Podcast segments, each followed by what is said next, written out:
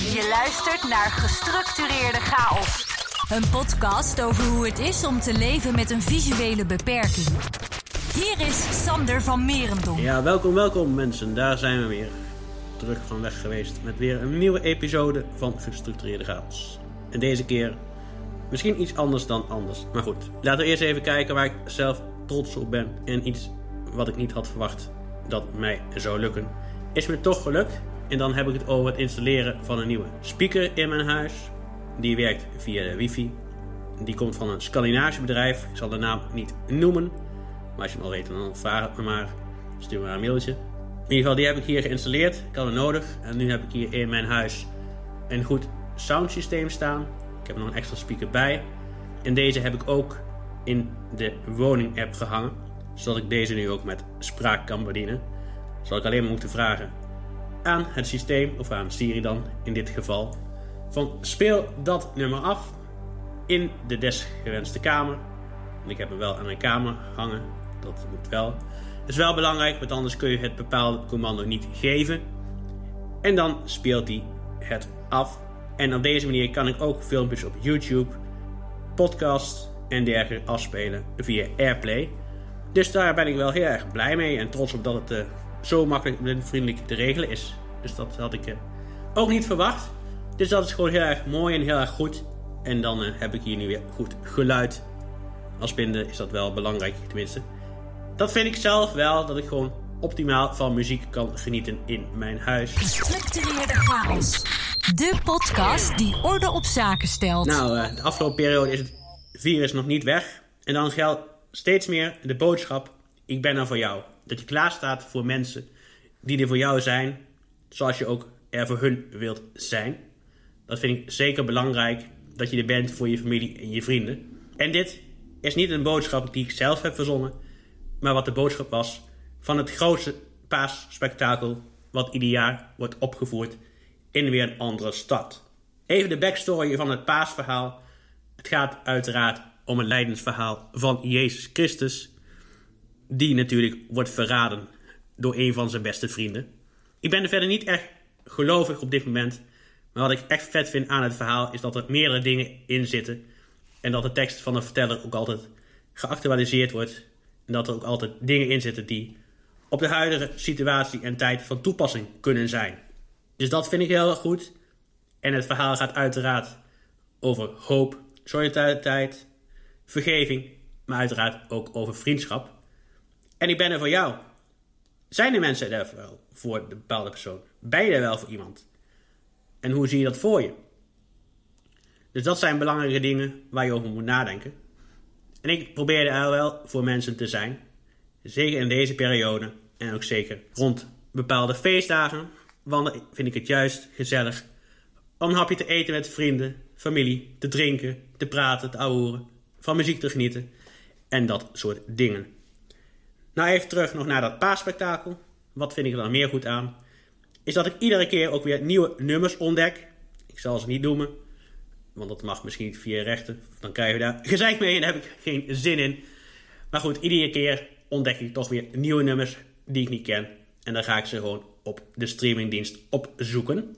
Dus dat vind ik ook wel tof eraan. En daarnaast is iets wat ze sinds een paar jaar doen, is dat ze het ook voor onze doelgroep toegankelijk maken. Doordat Radio 2 er audiodescriptie aan toevoegt. Dus je kunt dan gewoon op de radio meeluisteren. En een DJ zit dan live te plekken in die stad. Met een studio naast het hoofdpodium.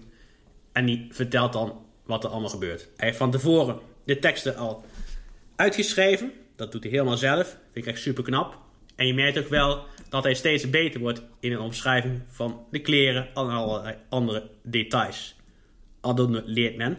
Daar lijkt het wel een beetje op. Sander van Merendonk. Iets anders wat ook betrekking heeft met audiodescriptie en een Vlaamse productie is, is een documentaire die gaat over de aanslagen in Vlaanderen op het vliegveld van Zaventem in 2016.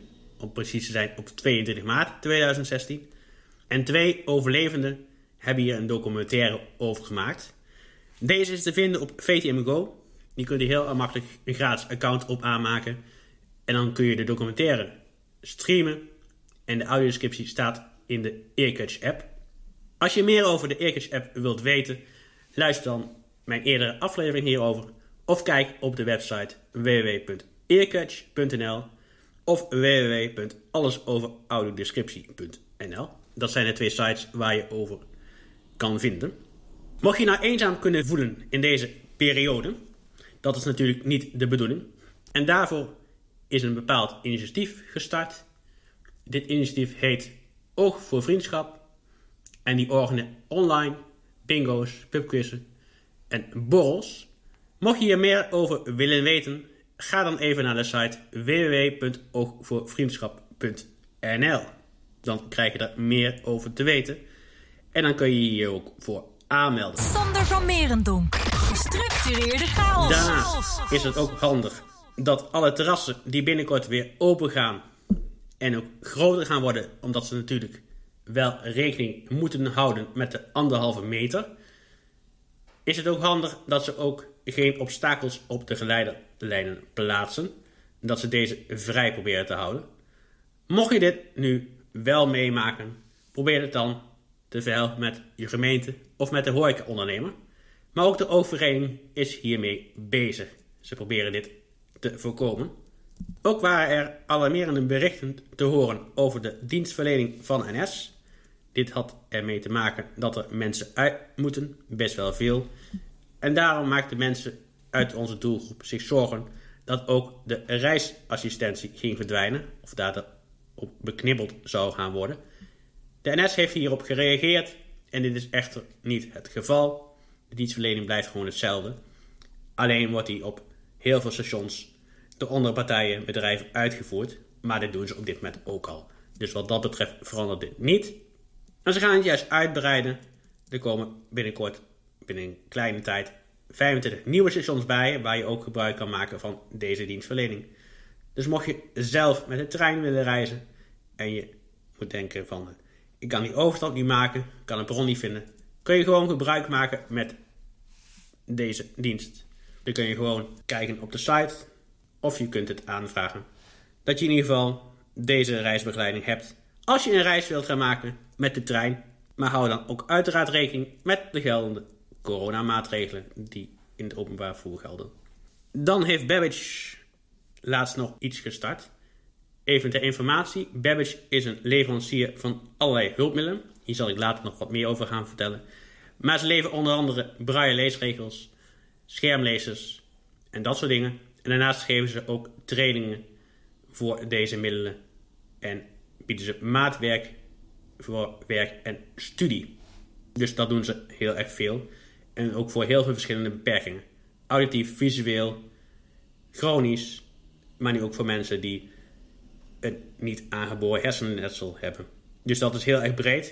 En het is op zich wel heel goed dat ze dit ook doen. Nu zijn ze recentelijk een nieuwe dienstverlening gestart en dit heeft te maken met digitale toegankelijkheid. Dat de overheid ervoor moet gaan zorgen dat ook hun bronnen, services, sites toegankelijk worden voor onze doelgroep. Dus dat wij heel makkelijk hierover kunnen navigeren. Maar ik zal hier later nog een keer op terugkomen in een aparte aflevering om precies te vertellen waar je op moet letten. Als je er wil zorgen dat alle apps, sites digitaal toegankelijk zijn voor onze doelgroep.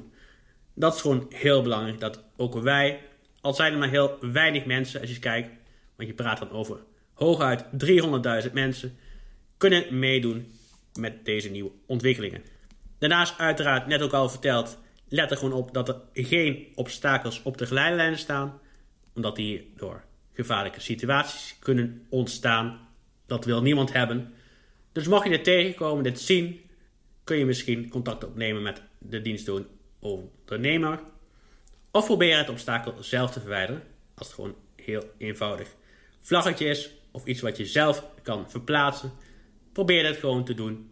Maar ja, dan kan het iedere keer weer terugkomen. Dus ik vraag me af wat voor zin dat heeft. Ja, je kunt het wellicht proberen. Of neem anders gewoon contact op met de gemeente.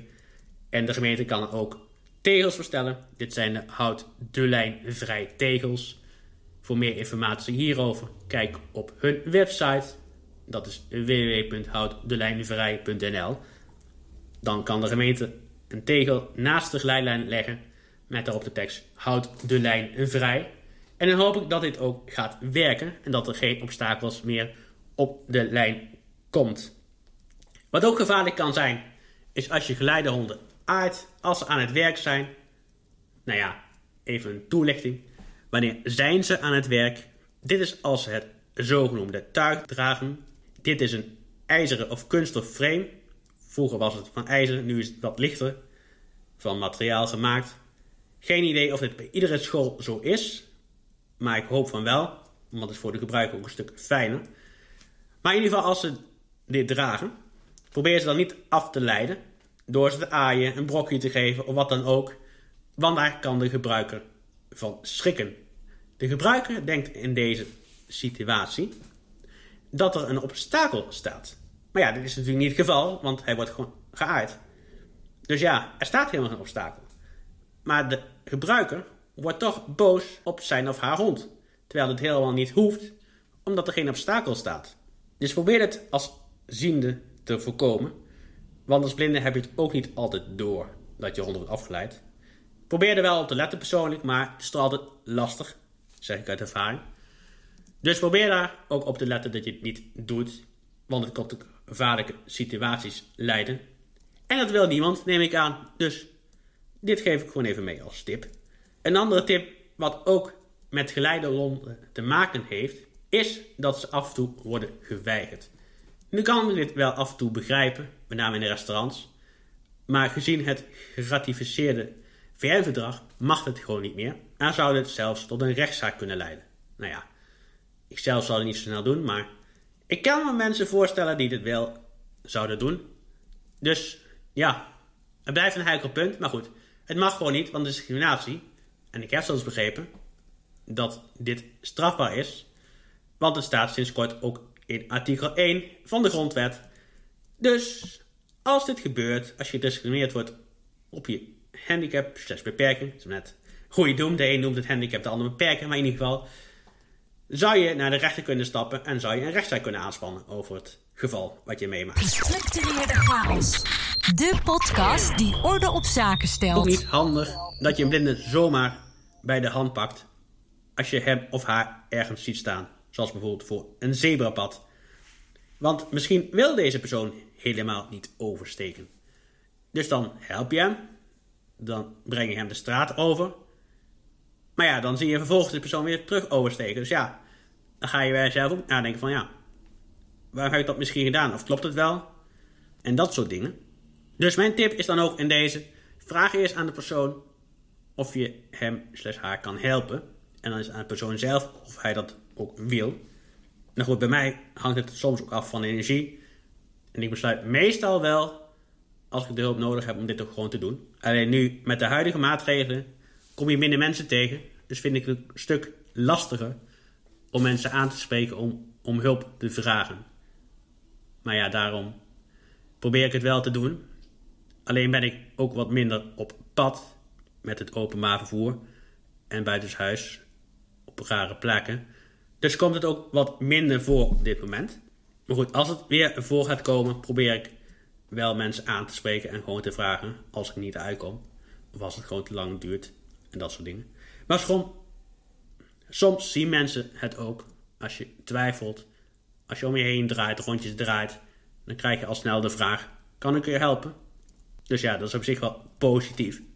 En verder is het ook verplicht, en dat weten een hoop mensen niet, om iemand met een stok over te laten steken bij een zebra. Dit is gewoon verplicht en volgens mij staat het ook gewoon in de wet. En zou je het ook moeten leren als je afrijdt met een auto. Maar ik vraag me af of dat ook wel gebeurt. Dat ook in de theorie praktijk meegenomen wordt.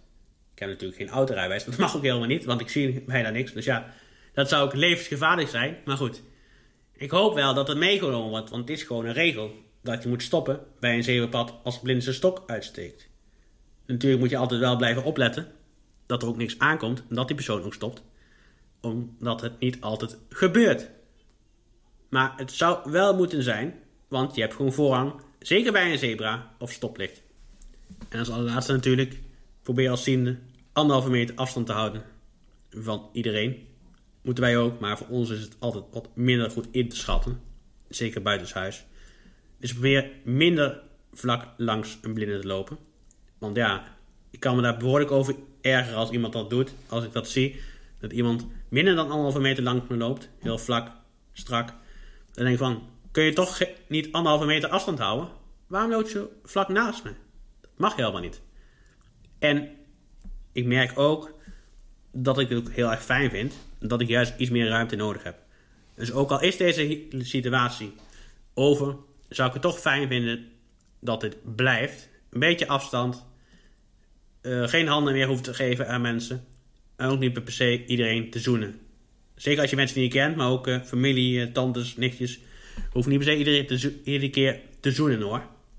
Dat vind ik niet altijd nodig. En ik vind het ook niet fijn. Ik vind het juist fijn om een beetje afstand te houden van bepaalde mensen.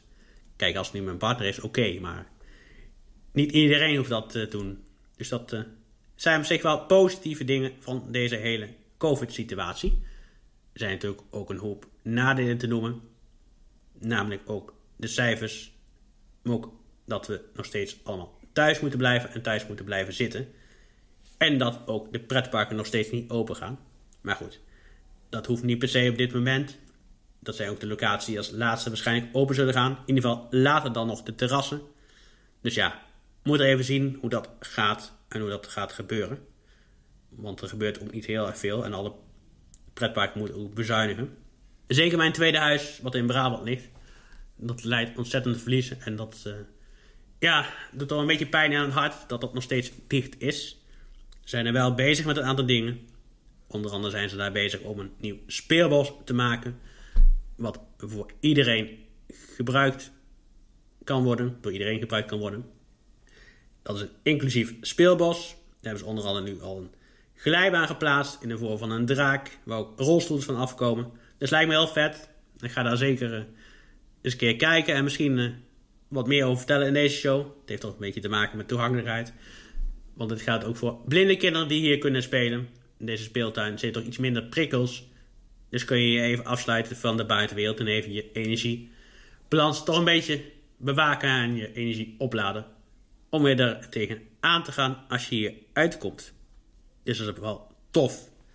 Ja, daarnaast geniet ik op dit moment van het mooie lenteweer. Helaas heb ik af en toe wel wat last van hoorkoorts.